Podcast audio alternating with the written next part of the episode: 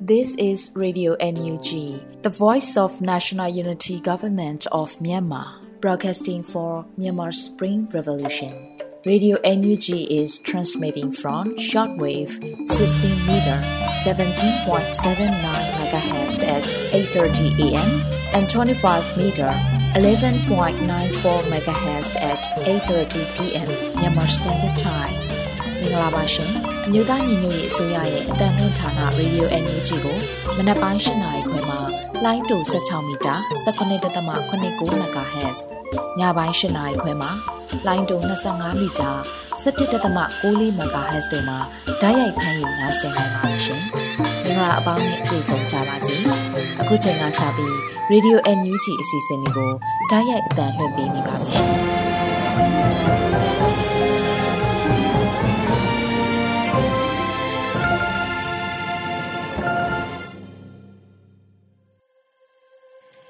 မင်္ဂလာမနက်ခင်ပါခင်ဗျာတောတာရှင်များနဲ့တကွမြန်မာနိုင်ငံသူနိုင်ငံသားအားလုံးဘေးပရာဝေးကွာလို့ကြမ်းမှချမ်းသာကြပါစေကြောင်းရေဒီယို UNG ဝိုင်းတော်သူဝိုင်းတော်သားတွေကဆုတောင်းမေတ္တာပို့သလျက်ရှိပါတယ်ဒီကနေ့စက်တင်ဘာလ29ရက်နေ့ရေဒီယို UNG ရဲ့မနက်ပိုင်းအတန်လွင့်စီစဉ်များကိုစတင်ပါတော့မယ်ຫນွေဦးလင်ကဖတ်ကြားထားတဲ့ကာကွယ်ရေးဝန်ကြီးဌာနရဲ့စစ်ရေးတည်င်းကျင့်ကြုံများကိုဥစွာတင်ပြပါမယ်နားဆင်နိုင်ကြပါပြီခင်ဗျာ ကာကွယ်ဝင်ကြီးဌာနအမျိုးသားညီညွတ်ရေးဆိုရမှစက်တင်ဘာလ28ရက်နေ့2023ခုနှစ်ထုတ်ဝေတဲ့စစ်ရေးသတင်းချင်းချုပ်ကိုတင်ဆက်ပေးတော့မှာဖြစ်ပါတယ်။ရန်သူတပ်သားတအူးသေဆုံးပြီးနှစ်ဦးထိခိုက်ဒဏ်ရာရရှိခဲ့ကြောင်းသတင်းရရှိပါရခင်ဗျာ။အာနာသိန်းအကြံဖက်စစ်တပ်နဲ့တိုက်ပွဲဖြစ်ပွားမှုသတင်းတွေကိုတင်ဆက်ပေးကြပါမယ်။စကိုင်းတိုင်းမှာစက်တင်ဘာလ28ရက်နေ့နေ့လယ်2:50မိနစ်အချိန်ခန့်မှာတပင်းမြို့နယ်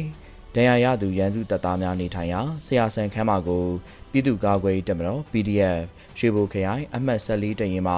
fixed wing drone မောင်းသူမဲ့လေယာဉ်ငယ်များနဲ့ပုံသီးလေးလုံးချတိုက်ခိုက်ခဲ့ကြောင်းသတင်းရရှိပါရခင်ဗျာမကွေးတိုင်းမှာစက်တင်ဘာလ26ရက်နေ့ည9:00နာရီခန့်မှာပခုတ်ကူမြို့နယ်တာမခ100တင်မှာရေစကြိုမြို့အတွင်းသို့ဝင်ရောက်လာတဲ့စနက်ဘိန်းကားတစ်စီးနဲ့စစ်ကားဖော်ကစစ်စစ်စဲကိုခွာနီ စိုက်ပျိုးရေးခြံအနီးသို့ဝင်ရောက်လာစဉ်မှာရေစကြိုမြို့နယ်ပြည်သူ့ကာကွယ်ရေးအဖွဲ့ရေစကြိုပကဖကမိုင်းဆွဲတိုက်ခိုက်ခဲ့ပါတယ်။စက်တင်ဘာလ26ရက်နေ့ည10:00နာရီချိန်ခန့်မှာရေစကြိုမြို့နယ်ရေစကြိုမြို့မှာပခုတ်ကူမြို့သို့ပြန်လည်ထွက်ခွာလာတဲ့ဆက်နက်ဘိန်းကားတစ်စီးနဲ့ စစ်ကားဖော်ကစီစစ်စဲကိုရေစကြိုမြို့နယ်ပြည်သူ့ကာကွယ်ရေးဖွဲ့ရေစကြိုပကပကမိုင်းဆွဲတိုက်ခိုက်ခဲ့ရာဆက်နက်ဘိန်းကားတစ်စီးမိုင်းထိမှန်ခဲ့ခြင်းကြောင့်နေရာ၌ပင်ပြန်လည်ပြင်ဆင်ခဲ့ရကြောင်းသတင်းရရှိပါရခင်ဗျာမန္တလေးတိုင်းမှာစက်တင်ဘာလ29ရက်နေ့မနက်9:30မိနစ်အချိန်ခန့်မှာမရယာမြို့နယ်ရင်းနှံသားရွာရဲစခန်းကိုမရယာပခဖာ910တရင်မြနယ်နာစစ်စင်ရေးအဖွဲ့များပူးပေါင်း၍ဒရုန်းနဲ့ဘုံသီး၃လုံးချတိုက်ခိုက်ခဲ့ကြောင်းသတင်းရရှိပါရခင်ဗျာ ပဲခူးတိုင်းမှာစက်တင်ဘာလ26ရက်နေ့မနက်8:40မိနစ်အချိန်ခန့်မှာဝေါ်မြို့နယ်လက်ပံကြီးရွာကုန်းပေါ်ကြီးလှေစိတ်ရှိရန်သူတပ်ဖွဲ့ဝင်တွေပြူစောတိ30ဦးခန့်ရှိတဲ့ရန်သူတပ်ကာကင်းစခန်းကိုပြည်သူ့ကာကွယ်တပ်မတော်တရင်3900နှင့်တက်ခွဲလေးနဲ့တော်လိုင်းမဟာမိတ်ရဲဘော်များကပူးပေါင်းတိုက်ခိုက်ခဲ့ရာရန်သူတပ်ဖွဲ့ဝင်တဦးသေဆုံးခဲ့ပြီးပြူစောတိ2ဦးဒဏ်ရာရရှိခဲ့ပါတယ်။ ပြစ်ခတ်မှုဖြစ်ပွားချိန်မိနစ်20ကျော်ကြာမြင့်ခဲ့ပြီးနောက်တိုက်ခိုက်မှုအတွင်း BA63 G3 တလက် G-box လေးခု7.62 mm G62 တောင်လက်ပစ်ပုံးတစ်လုံးတို့ကိုတင်စီရမိခဲ့ကြောင်းသတင်းရရှိပါတယ်ခင်ဗျာဆက်လက်ပြီးအာနာသိန်းချမ်ဖက်စစ်တပ်ကကျူးလွန်တဲ့ရာဇဝတ်မှုတွေကိုတင်ဆက်ပေးကြပါမယ်မန္တလေးတိုင်းမှာစက်တင်ဘာလ28ရက်နေ့မနက်ပိုင်းကမတရားမြို့နယ်ပြင်ကာရွာသို့စိုက်ကပ်လာတဲ့တင်မော်အကြီးမှာရန်သူတပ်သားများက ပြင်ကာရွာရှိပြည်သူနေနှလုံးအားမီးရှို့ဖျက်ဆီးခဲ့ကြောင်းသတင်းရရှိပါရခင်ဗျာစက်တင်ဘာလ26ရက်နေ့မနက်ပိုင်းမှာမိုးကုတ်မြို့နယ်ကြက်ပြင်ရွာမှာပြည်သူမျိုးသမီးတူရန်သူများပစ်ခတ်တဲ့လက်နက်ကြီးကြီးစားထိမှန်ခဲ့ပြီးဒဏ်ရာရရှိခဲ့ကြောင်းသတင်းရရှိပါရခင်ဗျာပဲခူးတိုင်းမှာစက်တင်ဘာလ26ရက်နေ့မနက်6:44မိနစ်အချိန်ခန့်မှနေ့လယ်12:59မိနစ်အချိန်ခန့်အထိရွှေကျင်မြို့နယ်ဝိုင်းကျွန်းကျွော်အတွင်းသို့ ရန်သူတပ်ရဲ့ခမာယ350ရွှေကျင်တပ်ပါခခလာယ50ခွန်ရွှေကျင်တပ်ပါခခမာယ20ညောင်လေးပင်တပ်ပါခတို့မှာ120မမလက်နက်ကြီး16လုံးနဲ့ပစ်ခတ်ခဲ့တဲ့အတွက်ကြောင့်ဝိုင်းကျွန်းကျွော်အတွင်းရှိဦးစန်းညွန့်ဦးမြဆိုဦးရဲမောင်နဲ့ဦးမြင့်နိုင်တို့ရဲ့နေလေးလုံးထိခိုက်ပျက်စီးခဲ့ကဦးဆန်းညွန့်ရဲ့နွားတင်းကုတ်တစ်လုံးပျက်စီးခဲ့ပြီးဦးဆန်းညွန့်မွေးမြူထားတဲ့နွားသုံးကောင်တိတ်ဆုံးခဲ့ကြောင်းသတင်းရရှိပါရခင်ဗျာ တနင်္လာရီတိုင်းမှာစက်တင်ဘာလ26ရက်နေ့ညနေ9:00နာရီခန့်မှာတရက်ချောင်းမြို့နယ်ကတွဲရာတဲ့သို့ရန်သူစစ်ကြောင်းတစ်ကြောင်းဝင်ရောက်လာခဲ့ပြီးဒေသခံတူရဲ့နေအိမ်တစ်လုံးအားမိရှုဖျက်ဆီးခဲ့ကြောင်းသတင်းရရှိပါရခင်ဗျာယခုတင်ဆက်သွားတဲ့သတင်းတွေကိုမြေပြင်သတင်းတာဝန်ခံများနဲ့သတင်းဌာနတွေမှာဖော်ပြလာတဲ့အချက်လက်တွေပေါ်အခြေခံပြုစုထားခြင်းဖြစ်ပါတယ်ကျွန်တော်ကတော့ຫນွေဦးလင်ပါ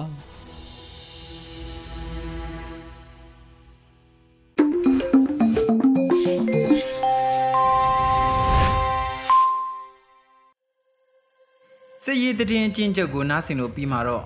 ပြည်တွင်းသတင်းများကိုဆက်လက်နားဆင်ရမှာဖြစ်ပါတယ်။နှွေဦးမွန်ကဖတ်ကြားတင်ပြထားပါတယ်ခင်ဗျာ။မင်္ဂလာမနက်ခင်းပါရှင်။2023ခုနှစ်စက်တင်ဘာလ29ရက်နေ့ Radio NUG ပြည်တွင်းသတင်းတွေကိုတင်ပြပေးသွားပါမယ်။ကျွန်မကတော့နှွေဦးမွန်ပါ။ ပြည်သူပေါ်ကိုလက်နက်အားကိုပြီးနိုင်ကျင့်ဖိနှိပ်မှုတွေဆိုရင်ဘယ်လိုအဖွဲ့အစည်းမျိုးကပဲဖြစ်နေပါစေလက်သင့်မခံမဲ့ရေးယူစီမံဆောင်ရွက်မယ်လို့ပြည်ထောင်စုဝန်ကြီးချုပ်ပြောကြားတဲ့အကြောင်းအရာကိုတင်ပြပေးပါမယ်။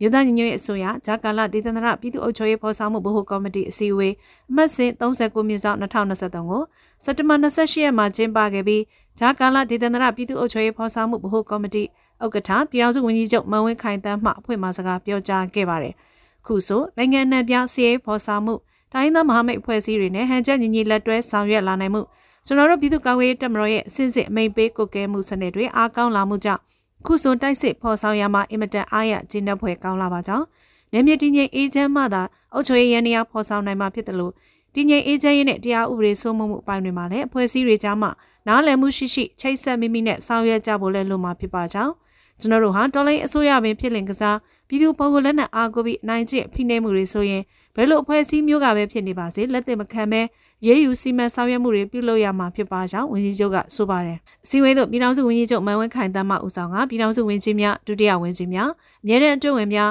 တွဲဘက်အမြဲတမ်းအတွင်းဝင်များဌာနဆိုင်ရာများမှတာဝန်ရှိသူများတက်ရောက်ခဲ့ကြပြီးဂျာကန်လာဒေသနာပြည်သူ့အုပ်ချုပ်ရေးဖော်ဆောင်မှုဗဟိုကော်မတီအဖွဲ့ဝင်များမှ38မြင်းဆောင်2023နဲ့ချမှတ်ထားသောဆုံးဖြတ်ချက်ရှေ့လုပ်ငန်းစဉ်များနဲ့ပတ်သက်၍ပြီးစီးမှုအခြေအနေများနဲ့ဆက်လက်ဆောင်ရွက်ရန်ကြံရှိနေသည့်လုပ်ငန်းစဉ်များကိုချပြရှင်းလင်းပြီးတက်ရောက်လာတဲ့တာဝန်ရှိသူများမှအကျယ်တွင်ဆွေးနွေးခဲ့ကြပါတယ်။မြို့သားညီညွတ်ရေးအစိုးရကာကွယ်ဝန်ကြီးဌာနမှလည်းတိုင်ကြားစာကော်မတီတရက်ဖွင့်လက်ကပြည်သူလူထု၏တိုင်ကြားမှုများကိုလက်ခံဖြည့်ရှင်းပေးလျက်ရှိပါတယ်ရှင်။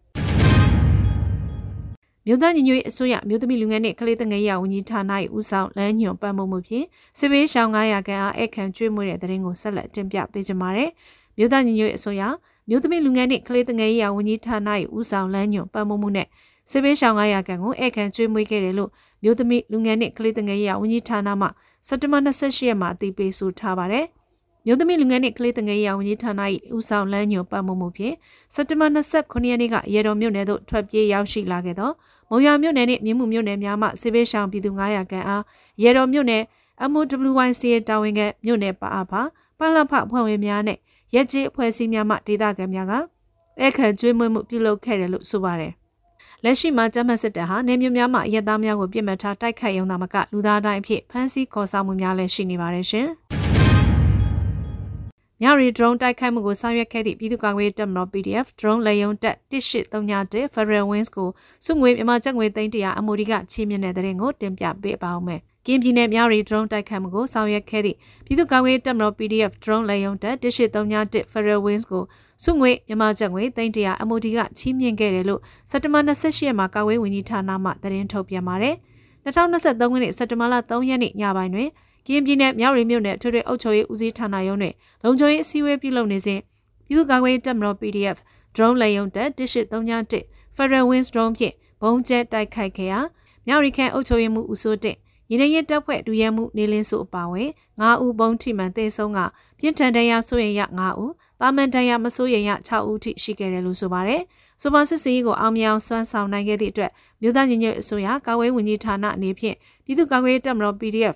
drone လေယုံတက်1831 Federal Wings ကိုစုငွေဖြင့်မြန်မာကျပ်ငွေ300ချီးမြှင့်ခဲ့ခြင်းဖြစ်ပါတယ်။စုချီးမြှင့်ပွဲခမ်းနားသို့ကာဝေးဝန်ကြီးဌာနဒုတိယဝန်ကြီးနိုင်ကောင်းရတောင်ပိုင်းစစ်ဒေသဒုစစ်ဒေသမှုနှင့်ရဲဘော်ဆော့ရှာနဲ့ drone လေယုံတက်1831 Federal Wings တာဝန်ရှိသူတို့တက်ရောက်ခဲ့တယ်လို့သတင်းရရှိပါတယ်ရှင်။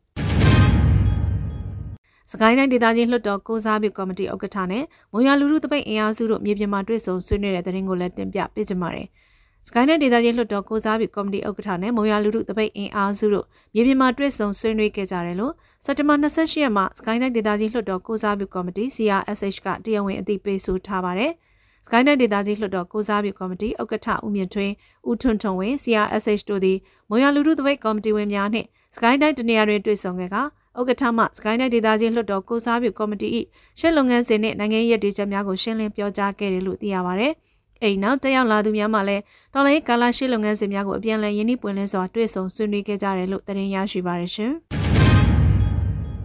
ဝင်းသူမြို့နယ်ကျိုးတော်များပူတာစုရရှိခဏဝန်သားယာမကျောင်းတိုက်ကိုဂျမစစ်တပ်ကအဟော်စားဖြင့်ပြစ်ခတ်ခဲ့၍ကလင်းငယ်၁၈ဦးတရားရပြီး6ဦးပြင်းထန်တရားရရှိတဲ့တဲ့ရင်ကိုတင်ပြပေးကြပါမယ်။စကိုင်းတိုင်းဝန်းသူမြို့နယ်ဂျိုးရောင်ရွာဘူတာစုရက်ရှိခဏီဝီတာယာမကျောင်းတိုက်ကိုဂျမတ်စစ်တပ်က ဟောင်ဇာနဲ့ပစ်ခတ်ခဲ့တာကြောင့်ကလင်းငယ်၁၈ဦးထိခိုက်ဒဏ်ရာရက6ဦးမှပြင်းထန်ဒဏ်ရာရခဲ့တယ်လို့ကာကွယ်ဝန်ကြီးဌာနမှစက်တဘာ28ရက်မှာသတင်းထုတ်ပြန်ပါတယ်။စက်တဘာ29ရက်နေ့နေ့လယ်12နာရီခွဲအချိန်တွင်ဂျမတ်စစ်တပ်၏ခမရ132မှဟောင်ဇာလက်နက်ကြီးဖြင့်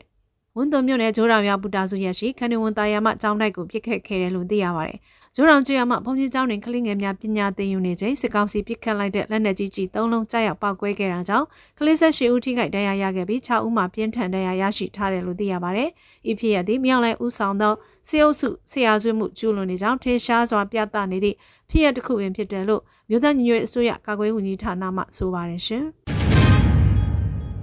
ကျုံတို့မြို့နယ်9ရက်တာတိုက်ပွဲတွင်စစ်ကောင်စီတပ်က32ဦးသေဆုံးပြီး6ဦးဒဏ်ရာရတဲ့သတင်းကိုလည်းတင်ပြပေးပါမယ်။ KNU ဒူပလာယာခရိုင်ကျုံတိုးမြို့နယ်တောင်ကြအင်းရွာတွင်တက်ဆွဲထားသောအနာသိန်းချက်မစစ်ကောင်စီတပ်ခလာရ230ခမရ946ခလာရ238တရင်နဲ့ KNU တပ်မဟာ6 KNDO တရင်6တော်လိုင်းပူပေါင်းတပ်ဖွဲ့တို့ကြား2023ခုနှစ်စက်တင်ဘာလ22ရက်နေ့မှစက်တင်ဘာလ26ရက်ထိတိုက်ပွဲကြီးတိုက်ပွဲငယ်ပေါင်း6ကြိမ်ဖြစ်ပွားခဲ့တယ်လို့သိရပါတယ်။ထိုငါရက်တာတိုက်ပွဲတွင်အာနာသိန်းချမ်ပစစ်ကောင်စီတပ်မှ32ဦးသေဆုံးပြီး6ဦးဒဏ်ရာရခဲ့က KNDO ကရင်မျိုးသားကာဝေးတပ်ဖွဲ့နဲ့တော်လင်းပူပေါင်းတပ်ဖွဲ့မှ2ဦးတန်ရာရခဲ့ပါတယ်။ KNU ဒူပလာယာခန့်ကျောင်းတို့မြို့နယ်တောင်ကြားရင်ရွာတွင်တက်ဆွဲထားသောအနာသိန်းကျမစစ်ကောင်စီတပ်များသည်တောင်ကြားရင်ရွာသို့ဝင်ထွက်သွားလာခွင့်များပိတ်ပင်ထားကဆွေးပေးဆောင်ပြည်သူများ၏နေအိမ်အားဖောက်ထွင်းမှွေနောက်ဖျက်ဆီးခြင်းပြည်သူပိုင်ပစ္စည်းဥစ္စာများအားယူဆောင်သွားခြင်းဘုံကြီးကျောင်းမှသာသနာပိုင်ပစ္စည်းများအားခိုးယူခြင်းနဲ့ကျေးရွာများသို့လက်နက်ကြီးများဖြင့်ရန်တမ်းပစ်ခတ်ခြင်းစသည်များနေ့စဉ်နဲ့အမျှပြုလုပ်လျက်ရှိတယ်လို့ဆိုပါတယ်ရှင်။ မြို့ထဲဝင်ရင်အောင်ပွဲခံမှုအလံတွေကြိုတင်ထုတ်ထားပြီးပြီလို့ကော့ဘရာစစ်ကြောင်းတက်ခွဲလေးအသိပေးတဲ့အကြောင်းအရာကိုလည်းတင်ပြပေးကြပါမယ်။မြို့ထဲဝင်ရင်အောင်ပွဲခံမှုအလံတွေကြိုတင်ထုတ်ထားပြီးပြီလို့စက်တဘာ28ရက်မှာကော့ဘရာစစ်ကြောင်းတက်ခွဲလေးကအောင်လံနဲ့တကွဖော်ပြအသိပေးဆိုပါရယ်။မြို့ထဲဝင်ရင်အောင်ပွဲခံမှုအလံတွေကြိုတင်ထုတ်ထားပြီးပါပြီ။ဗါတဲ့တရေတဲ့ကောင်ထွက်ခဲ့ဆိုတဲ့စကားကိုအဲ့ခါကျရင်ငါတို့ပြန်မေးပြီးမြို့ထဲဝင်လာခဲ့မယ်လို့ဆိုထားပါတယ်။ ပြည်သူ့ခုခံတွန်းလှန်စစ်ကို2021ခုနှစ်စက်တင်ဘာ9ရက်မှာမြို့သားညီညွတ်ရေးအစိုးရကကြေညာခဲ့ပြီး2023ခုနှစ်ဟာအဆုံးသက်တိုက်ပွဲအတွက်အဆုံးအဖြတ်နှစ်ဖြစ်တယ်လို့ဆိုထားပါတယ်ရှင်။အင်းလင်းဒေတာတွင်ကျင်းပပြုလုပ်မဲ့အင်းလေးဖောင်တုံးဖျားပွဲတွင်စစ်ကောင်စီနှင့်မပူးပေါင်းမဲ့တပိတ်မှောက်ရန်ပြည်သူလူထုကိုတိုက်တွန်းတဲ့အကြောင်းအရာကိုလည်းတင်ပြပေးပါဦးမယ်။အင်းလေးဒေတာမှာကျင်းပပြုလုပ်မဲ့အင်းလေးဖောင်တုံးဖျားပွဲမှာစစ်ကောင်စီနဲ့မပူးပေါင်းမဲ့တပိတ်မှောက်ဖို့အင်းလေးပြည်သူ့ကာကွယ်ရေးတပ်ဖွဲ့မှပြည်သူလူထုကိုတိုက်တွန်းဆိုထားပါတယ်။ အင်းလေးဒေတာမှပြည်သူများဟာအတွေးခေါ်အယူဆဓမ္မအဓမ္မခွဲခြားသိမြင်တတ်တဲ့လူမျိုးဆိုတာပြရုပ်ကောင်းပြဖို့လိုအပ်တဲ့အချိန်မှာအနာသိစစ်ကောင်စီနဲ့လက်ပါစီတို့ရဲ့အသုံးချချားနေမဲ့ဘာသာရေးကိုခုတုံးလုံးမဲ့အကြံစီတွေကိုတို့ပြည်သူတွေတတိအတိမမေ့မလျော့မပေါ်မဆတာဝန်ရှိကြပါတယ်။ဒါကြောင့်ဘာသာရေးကိုအစွန်းမရောက်စေခြင်းမူတိမှန်အမြင်မှန်သာရှိတဲ့နယ်လို့ IPDF ကဆိုထားပါတယ်။မြန်မာတနိုင်ငံလုံးစေဘေးကြောင့်ဒုက္ခရောက်နေချိန်မှာအခုလိုပျော်ပွဲရွှင်ပွဲတွေကျင်းပမနေသင့်မဲ့အတွက် အင်းလင်းမျိုးသမီးသမဂ္ဂ IW IPDF IFDN တို့မှအလစ်ဒေသနဲ့မြန်မာနိုင်ငံတွင်းမှာရှိတဲ့ပြည်သူများအားစစ်ကောင်စီမှကျင်းပပြုလုပ်သောပွဲအားမပူးပေါင်းမစင်နှွှဲကြဖို့စစ်တပ်မိသားစုပိုင်းဟိုတယ်များအားမတဲခိုကြဖို့မြစ်တာရက်ခံအသိပေးကြေညာထားပါတယ်ရှင်။ခုတင်ပြခဲ့တဲ့သတင်းတွေကို Radio Energy သတင်းတောက်မင်းတီဟန်ကပေးပို့ထားတာဖြစ်ပါတယ်ရှင်။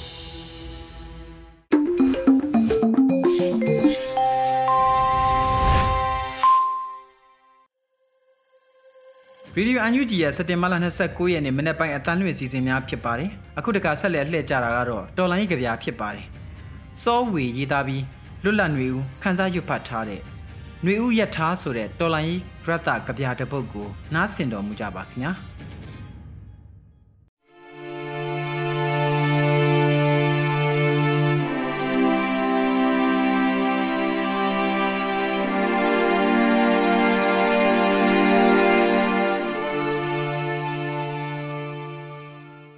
ຫນွေဦးယထာ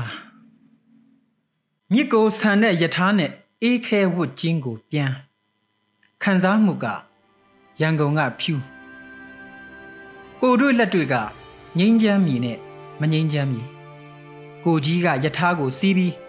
စိတ်ကဆန်ရတယ်လို့မွေးရမည်ကိုပြန်ရောက်ตาရတဲ့အရက်မှာตาရမနေဘူးယထာကြီးခုတ်မောင်းပြီတော့ Hudson River မြစ်ကလှမ်းမေးတယ် မင်းတို့မြစ်တွေတန့်ရလားတဲ့စက်ရောကိုပါညစ်ပတ်တဲ့ယောက်ျားအစုအဖွဲ့ကြီးနှစ်ဖွဲ့ကြောက်ပေါ့တန့်ပေမဲ့မတန့်တော့ဘူးလို့မြစ်ရဲ့ရီမောတန်ကယထာပေါ်ထိတက်စီးလိုက်ပါလာတယ်တောင်တွေမှာအစိမ်းရောင်သပင်တွေနဲ့ကတုံးရိတ်ထားတဲ့မွေးမြေကတောင်တွေကိုတတိကရသွားပြန်ရောယထာကြီးခုံမောင်းပြီတော့ကောင်းကင်ကအလိုလိုကြလာတာဆိုလို့ကန်ဆိုးမိုးမှောင်ပဲရှိတယ်။ ကန်ကောင်းမှုကတော့ပြည်သူမှာပြည်သူပဲရှိတာမို့ပြစ်စရာရှိတာလဲပြစ်ချစ်စရာရှိတာလဲချစ်မုန်းစရာတွေကတော့ drone ပေါ့ drone ဘယ်တော့မှရှုံးမခံဘူးဆိုတဲ့တော်လှန်နေသူလူအလုံးကိုအယိုးအည်ပါမကြံတဲ့အထိပြပရောက်တွေကအကြီးကြီးတွေမပြောတော့ပါဘူးအသက်ပေးနေပေးခဲ့ကြသူတွေအမြဲဥညွတ်စွာယထာကြီးခုတ်မောင်းပြီတော့ ဘယ်ဘက်မှာမြစ်ညာဘက်မှာတောနဲ့တောင်းအလဲကယထာယထာပေါ်မှာလူတွေဒဏ်ရာအနာတရနဲ့ကငါတယောက်ထဲလားညာဘက်တောလန်းလေးပေါ်မိသားစုကားလေးတွေတွေ့မိတော့အိမ်လွမ်းစိတ်ကရင်ပတ်ထဲတောမီလို့လောင်းငါရှင်နေမှအိမ်ပြန်နိုင်မယ်ဆိုတဲ့စိတ်ကပဲဒီစိတ်ကပဲရင်တောမီကိုနှိမ့်သက်ယထာကြီးခုံမောင်းပြီးတော့ အခွင့်တင့်တင့်မတင့်တင့်ကုလသမဂ္ဂကိုလည်းရှုပ်အိမ်ဖြူတော်ကိုလည်းရှုပ်ငါတို့တိုင်းပြည်ပြကြအောင်လောင်တဲ့မီးတွေသူတို့ကိုကူအောင်ပေါ့စိတ်ထားကရောက်တယ်နော်2021ဖေဖော်ဝါရီတရက်ကတည်းကမဖြူစင်တော့တဲ့အနုပညာသမားပါအမြင့်ဖြတ်ဖို့အတွက်သေရင်လဲငရဲရောက်ပါစေယထာကြီးခုတ်မောင်းပြီတော့ အယ်ဘန်နီကလွတ်တော်နဲ့အုပ်ချုပ်ရေး NYC ကစီးပွားရှာတဲ့မြို့မြို့ကြီးတဲ့ကြတော့ယထာကသမုတ်တရာအောက်မြေအောက်ကသွားမြို့ပြင်ရောက်တော့မြစ်ကိုယထာကစီးပြန်တယ်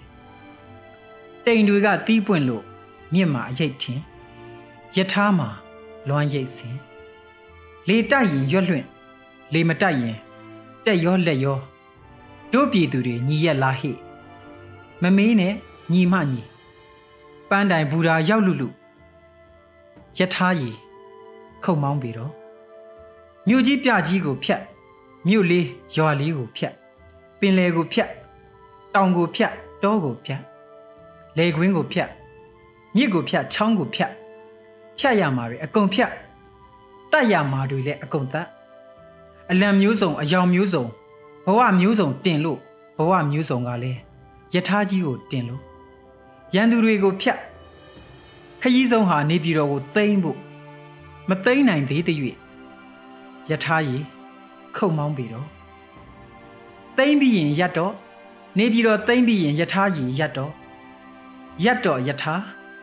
ယထာကြီးရက်လို့ရပြီယထာကြီးရက်တော့ယထာ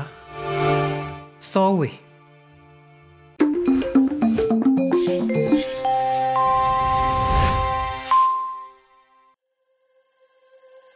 တော်လိုင်းကြပြအစီအစဉ်ကိုထုတ်လွှင့်လို့ပြီးမှာတော့အခုတခါ PPTV ရဲ့နေ့စဉ်သတင်းများကို Rain ကတင်ပြပါဦးမယ်ခင်ဗျာအခုချိန်ကစပြီး PPTV သတင်းတွေကိုတင်ဆက်ပေးတော့မှာပါကျွန်မရိန်ပါပထမဆုံးတင်ဆက်မှာကနွေဦးတော်လှန်ရေးကာလအတွင်းကြာဆုံးခဲ့ရသူပေါင်း4124ဦးအထိရှိနေခဲ့ပြီလို့ APP ထုတ်ပြန်လိုက်တဲ့သတင်းမှာ အကြံပတ်စစ်တပ်ကအာဏာသိမ်းပြီးတဲ့နောက်အယတာပြည်သူတွေကိုတပ်ဖြတ်လျက်ရှိရမှာစက်တဘာ29ရက်အထိစည်ရင်းတွေအရကြာဆုံးခဲ့ရသူ4124ဦးအထိရှိပြီဖြစ်တယ်လို့နိုင်ငံရေးအကျဉ်းသားများကူညီဆောင်ရှောက်ရေးအသင်း AAPP ကထုတ်ပြန်လိုက်ပါတယ်။နိုင်ငံရေးအကျဉ်းသားများကူညီဆောင်ရှောက်ရေးအသင်း AAPP ရဲ့မှတ်တမ်းပြုချက်တွေအရ 2021ခုနှစ်ဖေဖော်ဝါရီလ1ရက်နေ့ကနေ2023ခုနှစ်စက်တင်ဘာ28ရက်အထိဖမ်းဆီးချုပ်နှောင်ခြင်းခံထားရသူ စုစုပေါင်း19288ဦးရှိပြီး၎င်းတို့အနက်မှ9382ဦးမှာထောင်ဒဏ်ချမှတ်ခံထားရတယ်လို့ဖော်ပြထားပါတယ်။ပြည်တံကြားခံရသူတွေထဲမှာ109ဦးကတည်တံချမှတ်ခံထားရတာပါ။ မျက်ွယ်တည်တံချမှတ်ခြင်းခံထားရသူ53ဦးအပါအဝင်119ဦးမှာမျက်ွယ်ပြစ်ဒဏ်ချမှတ်ခြင်းခံထားရတယ်လို့ဆိုပါတယ်။အဲဒီစည်ရင်းတွေအရဒေဒန်ချက်မှခံထားရသူစုစုပေါင်း150ဦးရှိပြီဖြစ်တယ်လို့လည်းဖော်ပြထားပါတယ်။အမခန်နဲ့လွတ်မြောက်လာသူက24ဦးရှိပြီးပြန်လည်လွတ်မြောက်လာတဲ့အရေးအတွက်က9582ဦးရှိတယ်လို့ဆိုပါတယ်။ဖော်ပြပါကိန်းကနန်းအရေးအတွက်တွေက AAPP မှကောက်ယူရရှိထားတဲ့အရေးအတွက်တွေဖြစ်ပြီးမြေပြမဖြစ်ပွားနေတဲ့အချက်အလက်နဲ့ကိန်းကနန်းအရေးအတွက်တွေကယခုထက်ပုံမများပြားနိုင်တယ်လို့ဖော်ပြထားသလိုအချက်လက်တွေထပ်မံကောက်ယူရရှိလာပါကဆက်လက်ထဲသွင်းဖော်ပြသွားမယ်လို့ဆိုပါတယ်။အရက်ဘက်အဖွဲ့အစည်းရဲ့ခေါင်းဆောင်တွေအရက်သားတွေတက်ကြွလှုပ်ရှားသူတွေသတင်းသမားတွေ CDM လှုပ်ရှားနေတဲ့ ဝန်ထမ်းတွေစတဲ့နယ်ပယ်အသီးသီးကမြည်သူမဆိုဖမ်းဆီးထိန်သိမ်းတရားစွဲဆိုခြင်းခံထားရတာတွေနဲ့နွေဦးတော်လှန်ရေးကာလအတွင်းကြာဆုံးသွားသူတွေရဲ့အချက်လက်တွေကိုသိရှိပါကနိုင်ငံရေးအကျဉ်းသားများကူညီဆောင်ရှောက်ရေးအသင်း AAPP ကိုဆက်သွယ်ဖို့လည်းဖော်ပြထားပါတယ်။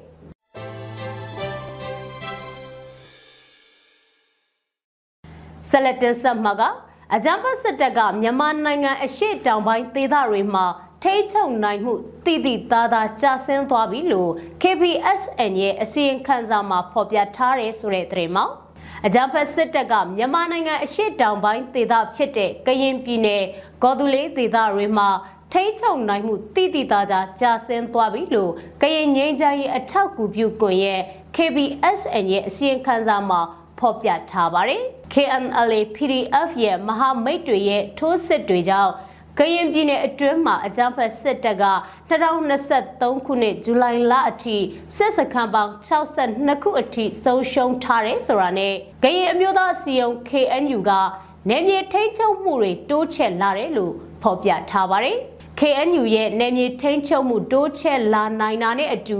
ရန်ကုန်နဲ့နေပြည်တော်ကြားမှာရှိတဲ့အကြမ်းဖက်စစ်တပ်ရဲ့ ဗဟိုသေးယူပို့ဆောင်ရေးလမ်းကြောင်းကိုတိုက်ရိုက်ချင်းချောက်ထားနိုင်ပြီဖြစ်တယ်လို့လည်းကရင်ငင်းချမ်းရေးအထောက်အကူပြုကွန်ရဲ့ KBSN ရဲ့အစီရင်ခံစာမှာဖော်ပြထားပါတယ်။ကရင်ပြည်နယ်အတွင်းမှာအကြမ်းဖက်စစ်ကောင်စီကကြောင်ပေါင်380ကျော်ကိုထိန်းချုပ်မှုဆုံးရှုံးထားပြီးဖြစ်တဲ့ဆိုတာနဲ့အဲ့ဒီစာသင်ကျောင်းတွေက KNU ပညာရေးဌာနရဲ့အုပ်ချုပ်စီမံမှုအောက်ကိုရောက်ရှိနေပြီဖြစ်တယ်လို့လည်းဖော်ပြထားပါတယ်။ လက်ရှိအချိန်မှာတော့အကြမ်းဖက်စစ်တပ်ကဆုံးရှုံးနယ်မြေတွေပြန်လည်ရရှိရေးအတွက်လက်နက်ကြီးတွေနဲ့တိုက်ခိုက်တာ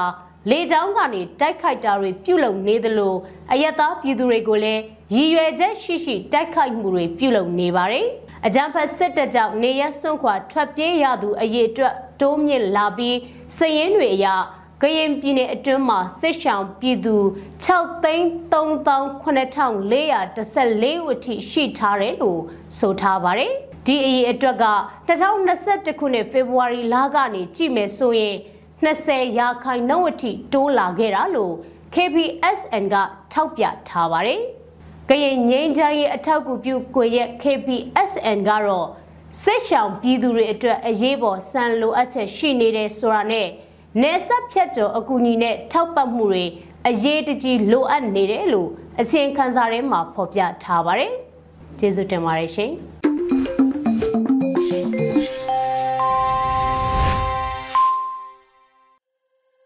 အမျိုးသားညွရေးဆိုရဆက်သွယ်ရေးတည်င်းချက်လက်နဲ့ဤပညာဝန်ကြီးဌာနရေဒီယို UNG ရဲ့မနေ့ပိုင်းအတန်လွှင့်အစီအစဉ်များဖြစ်ပါတယ်။အခုဆက်လက်ပြီးစက်တင်ဘာလ29ရက်နေ့မနေ့ပိုင်းအတန်လွှင့်အစီအစဉ်နောက်ဆုံးအစီအစဉ်အနေနဲ့ တော်လိုင်းတီးဂီတာတစ်ပုဒ်နဲ့ဖျော်ဖြေလိုက်ပါတယ်။လှမ်းခဲ့တော့တငယ်ချင်းလို့အမည်ရတဲ့တီးသချင်းကိုကိုပေါက်ကရေးပြီးမင်းမော်ကုန်းကတီးဆိုထားတာဖြစ်ပါတယ်ခင်ဗျာ။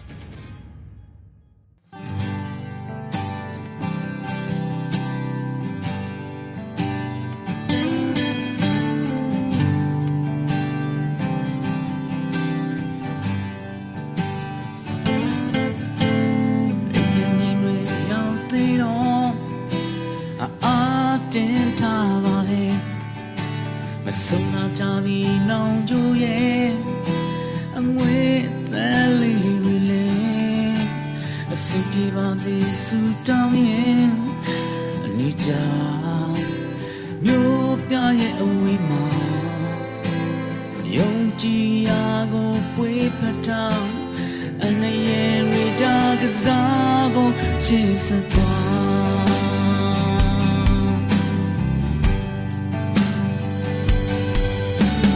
နေဝင်မီဆိုနဲ့ချစ်တချို့တေးပွဲချင်းတွေဆို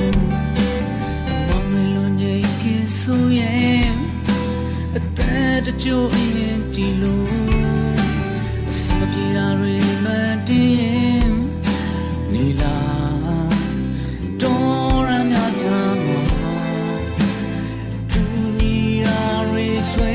တောင်တရားရီနဲ့တွန်းလို့ရှိစသွား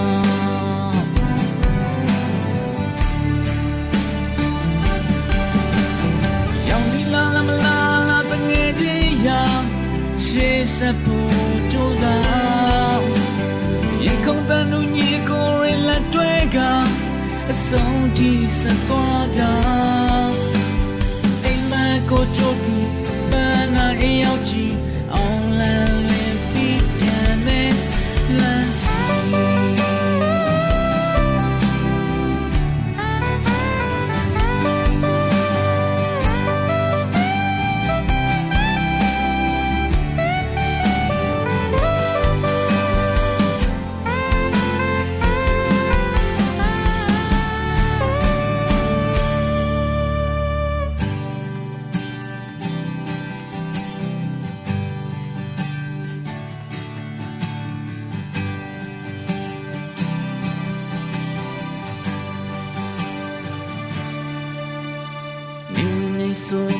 ကြေတို့ဒီပွဲတဲ့ချင်းတွေဆိုမောင်တွေလုံးငိတ်ကဆိုရဲ့အသက်ကြိုး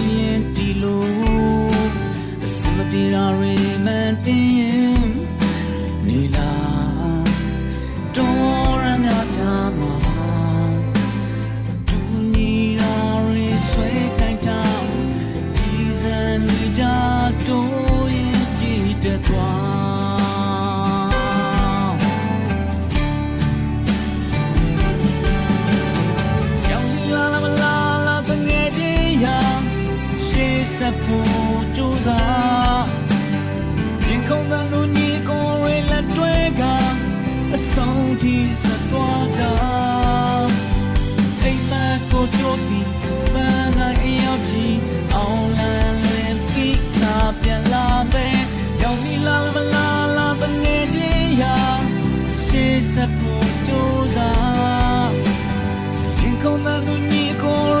လက် ဒီကနေ့ကတော့ဒီညနဲ့ပဲ Radio NUG ရဲ့အစီအစဉ်လေးကိုခਿੱတရနာလိုက်ပါမယ်ရှင်။မြမစံတော်ချိန်မနက်၈နာရီခွဲနဲ့ည၈နာရီခွဲအချိန်တွေမှာပြန်လည်ဆုံတွေ့ကြပါစို့။ Radio NUG ကိုမနက်ပိုင်း၈နာရီခွဲမှာလိုင်းတူ16မီတာ19.89